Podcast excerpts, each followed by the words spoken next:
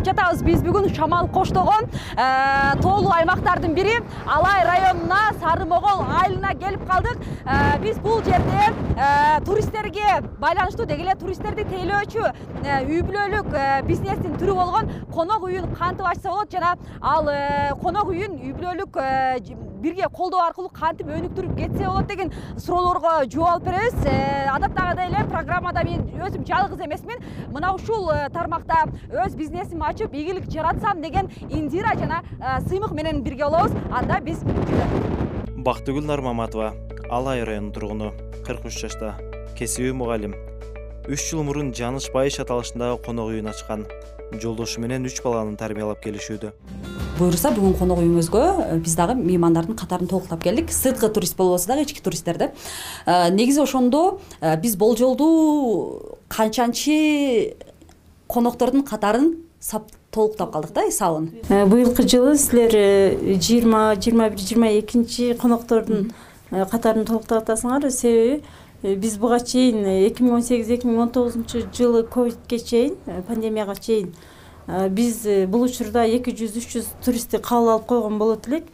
Э, мына ковидке байланыштуу бизде э, туристтердин саны өтө аз болуп ички туризм сырткы туризм болуп жыйырма жыйырма үч жыйырма төрт дегенде ошондой катарлар толукталып жатат да. Бара бара көбөйүп атат. Бара бара көбөйүп атат ооба.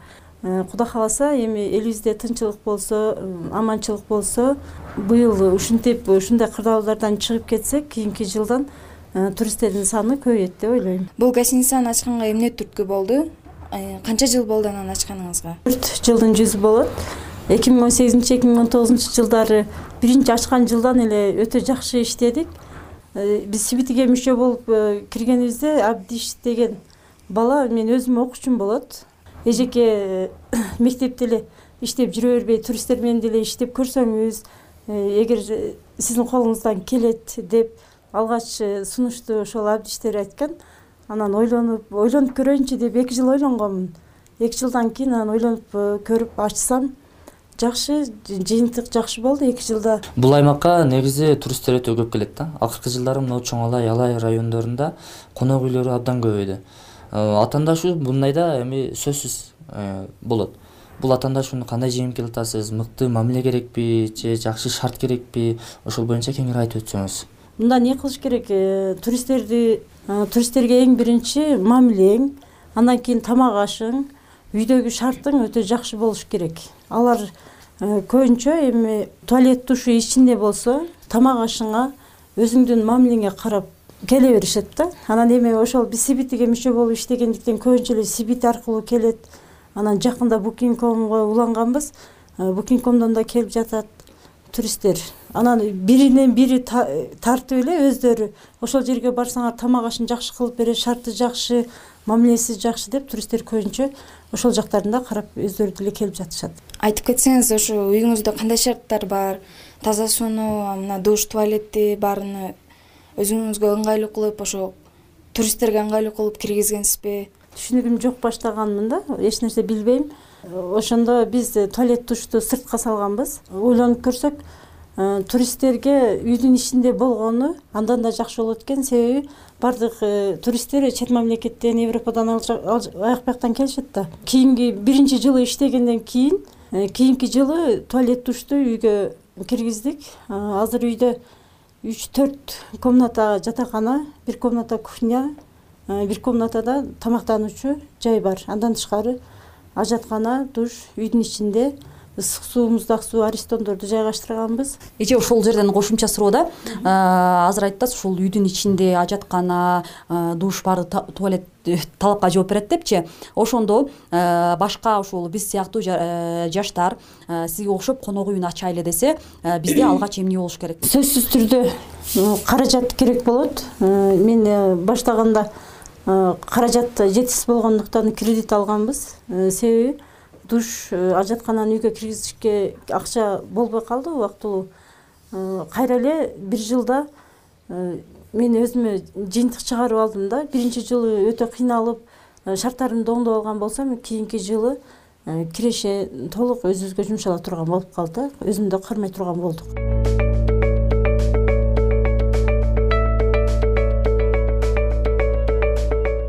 Андан кийин жаңы көз караш менен бизнес башташ керек болуп калды. Анткени турист өзү өзгөрдү. Абдан маанилүү нерсе ошону дайыма эске алышыбыз керек. Турист мурдагыдай автобустап жыйырма отуздап жүрбөйт. Будан кийин туристтер азыр үй бүлөлүү же болбосо кичине группалар менен гана жүрө турган туристтер көбөйөт жана алардын коопсуздукка талабы абдан жогору болот. Кандай турист келбесин бул ыңгайлуулугун карайт да удобствосун карайт. Ал эмне деген сөз ал деген сөз ошол жердеки туалеттин көйгөйү жана душтун көйгөйү. Душ курдуң туалет курдуң значит сөзсүз анын агып кеткен жагы септик болуш керек. Ал деле азыркы мезгилде көп акча турбайт и технологиясы дагы абдан өнүгүп калды. Азыркы мезгилде реклама кымбат. Реклама беришке дайыма мүмкүнчүлүк жок. А фейсбук менен инстаграмда өзүң эле тартып чыгара берсең болот бул абдан чоң түрткү берет ошого көп көңүл бурулуш керек. Айтсаңыз бул тармакка аралашканда сөзсүз окуш керекпи? Билимдин кереги барбы же кандай? Тажрыйба арттырыш керекпи? Баягылай окууга чакырып хорика ошолор тренингтерге катышып ошондон туристтерди кантип кабыл алыш керек туристтерге кантип тамак даярдаш керек жатакана кандай болуш керек ажаткана туалет душ тазалык кыскасы баардык нерсени тренингден окуса аябай жакшы болот деп ойлоймун. Өз алдымча ачканда мен өтө кыйналып калгам да себеби эч нерсе түшүнүгүм жок болгон. Анан билген да эмесмин да кийин окууларга барып өзүмдүн канча тажрыйбамды арттырдым. Бактыгүл эже эгерде мен конок үйүнү ача турган болсом кандай документтер керектелет кайсыл жерлерге кайрылышым керек? Ошол жол жоболосун айтып өтсөңүз. Биз көбүнчө тур фирмалар менен иштейбиз да. Мисалы үчүн өзүбүз сибитиге мүчө болуп киргенбиз. Бул сибити чет мамлекеттен келген туристтерди кабыл алуучу жай. Эгер ошол кайсы аймакта жашасаңар ошол жерде ошондой жайлар болсо ошого мүчө болуп кирип эгер жок болсо өзүнчө ачсаңар деле боло берет анан биз азыр туристтерди сибитиге катталып киргендигибиз үчүн туристтерге кайсы турфирмадан келсе ошолордун проценти болот. Мисалы үчүн кээ бирки турфирмаларда он процент акча кармап калат туристтердин ар бир башына. Анан кээде жыйырма проценти кармап калат. Мисалы үчүн миң сомго сүйлөшүп жаткыра турган болсок эки жүз сомуну ошол турфирмаларга которобуз да сегиз жүз сом өзүбүздө калат. Турфирмалар болбосо айыл өкмөтүнө кайрылып ошол жерде айыл өкмөттөр бекитип берген салыктын насыясын төлөп турсаңар болот.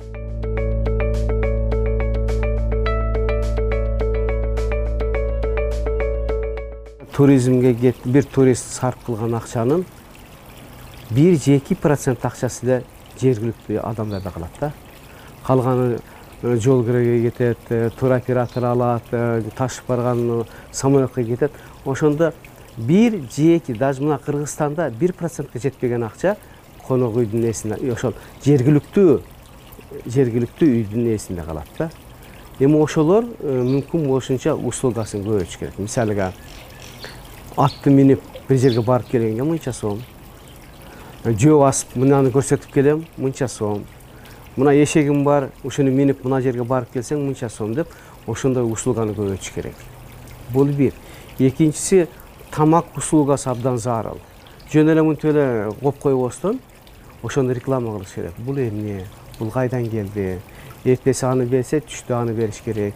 Ар бир неме коюлган дасторкон үстүнө коюлган продукциянын тарыхын историясын айтыш керек ошондо жанагы адамдарга кызыктуу болот. Сырткы туристтерди тейлеген конок үйүнүн жетекчиси туристтик маалымат борборлору менен кызматташуусу маанилүү себеби маалымат борборлору аркылуу конок үйгө чет элдик туристтерди үзгүлтүксүз келип туруусуна жетишсе болот. Ошондой эле ишкер үч w чекит booking chekit com жана airbnb сыяктуу интернет платформаларына катталуусу сунушталат. Бул жерден туристтер өз өлкөсүндө туруп сиз жетектеген мейманкана тууралуу маалымат гана албастан буга чейин конок болуп кеткендердин калтырган пикирлерин дагы эске алат. Башка мамлекеттерден келген конокторду тейлөөчү мейманкананын тынч жерде жайгашканы жакшы.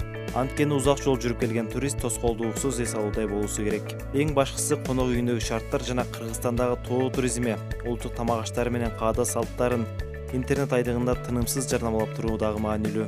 Муну менен сиздин мейманканаңыз гана эмес жалпы кыргызстанга чет элдик туристтердин агымын көбөйтүүгө салым кошкон болосуз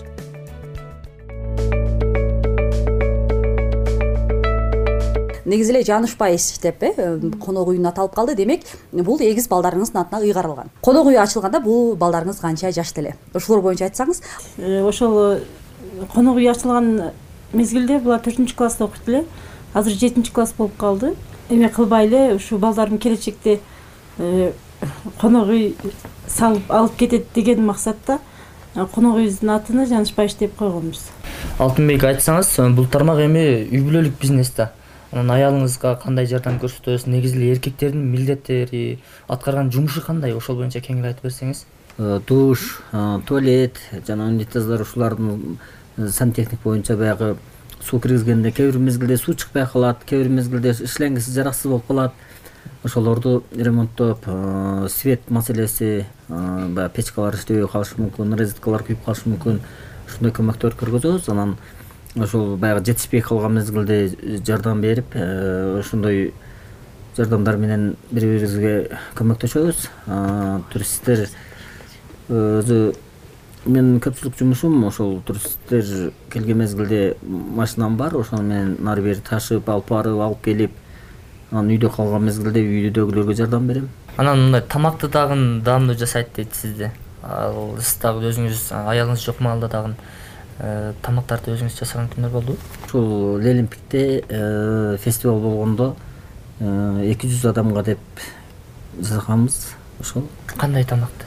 Думнама жасаганбыз. Эми айтып кетсеңиздер сиздерге коноктор келгенде чет мамлекеттен ким сүйлөшүп ким алар менен байланышып жардам берет? Англис тилин мен билгендиктен ошол үчүн үйдө туристтер менен мен сүйлөшөм алар качан келди кайдан келди эмне тамак жейт эртең кайда барат кайра качан келет ошол ошолор тууралуу сүйлөшөбүз. Азыр өзүм төрт беш тил билем.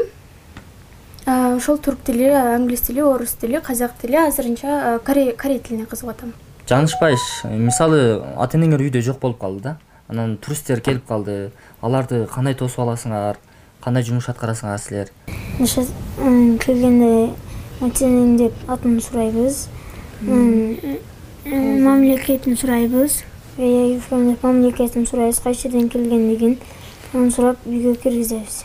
Биз дагы ошо сиздерге окшош гостиница ачсак деп мындай аракет кылсак кандай эмне жумуштарды аткарабыз кандай ушу үй бүлөлүк сырыңыздарды билип кетсек. Биринчи ачканыбызда эле москвадан бир группа келип калган сальфетка алган эмеспиз. Билбейбиз да туристтер сальфеткага кол ачыганды зубочисткабыз жок болгон дагы жакшы машинабыз болгондугу үчүн базардан бирден сальфетка зубочистка ташып ошентип биринчи күнүбүз ошондой болуп өткөн да. Ошондо мына кроваттарыбыз да жок эле. Жерге узун кылып төшөктөрдү салып берип ошентип акырындап ушул даражага жетип отурабыз. Негизинен эле үй бүлөлүк сыр бириңди бириң түшүнүп иштесе жолдошуң же болбосо аял киши экөө бирине бири колдоо көрсөтүп турса үйдөгү киреше дагы башка нерселер дагы болот да. Өзү туристтер келген мезгилде туристтерге место таппай калган мезгилде жерге жатабыз дегендерге дагы төшөк салып бергенбиз.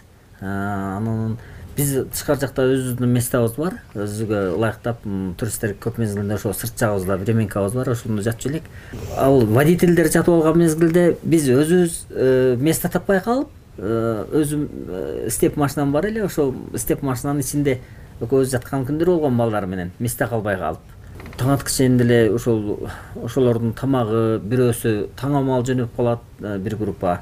Бир группасы кечирээк жөнөп калат ошолордун таңкы турганга тамак даярдап уктабай ушундай э, учурлар да өткөн жаштардын баардыгын эле айтып кетем. Ошол бирине бири колдоп бирге бири көмөк көрсөтсө эч качан ийгиликсиз калбайт. Эми жаштар бул ишкерликке аттанса анын ата энеси деги эле үй бүлөсү жалпы ушул колдоо көрсөтсө ал көздөгөн максатына жетет жана сөзсүз түрдө өз тармагында ийгилик жаратат деп айтып өтөлү. Ал эми мен сиздер менен коштошом. Сак саламатта калыңыздар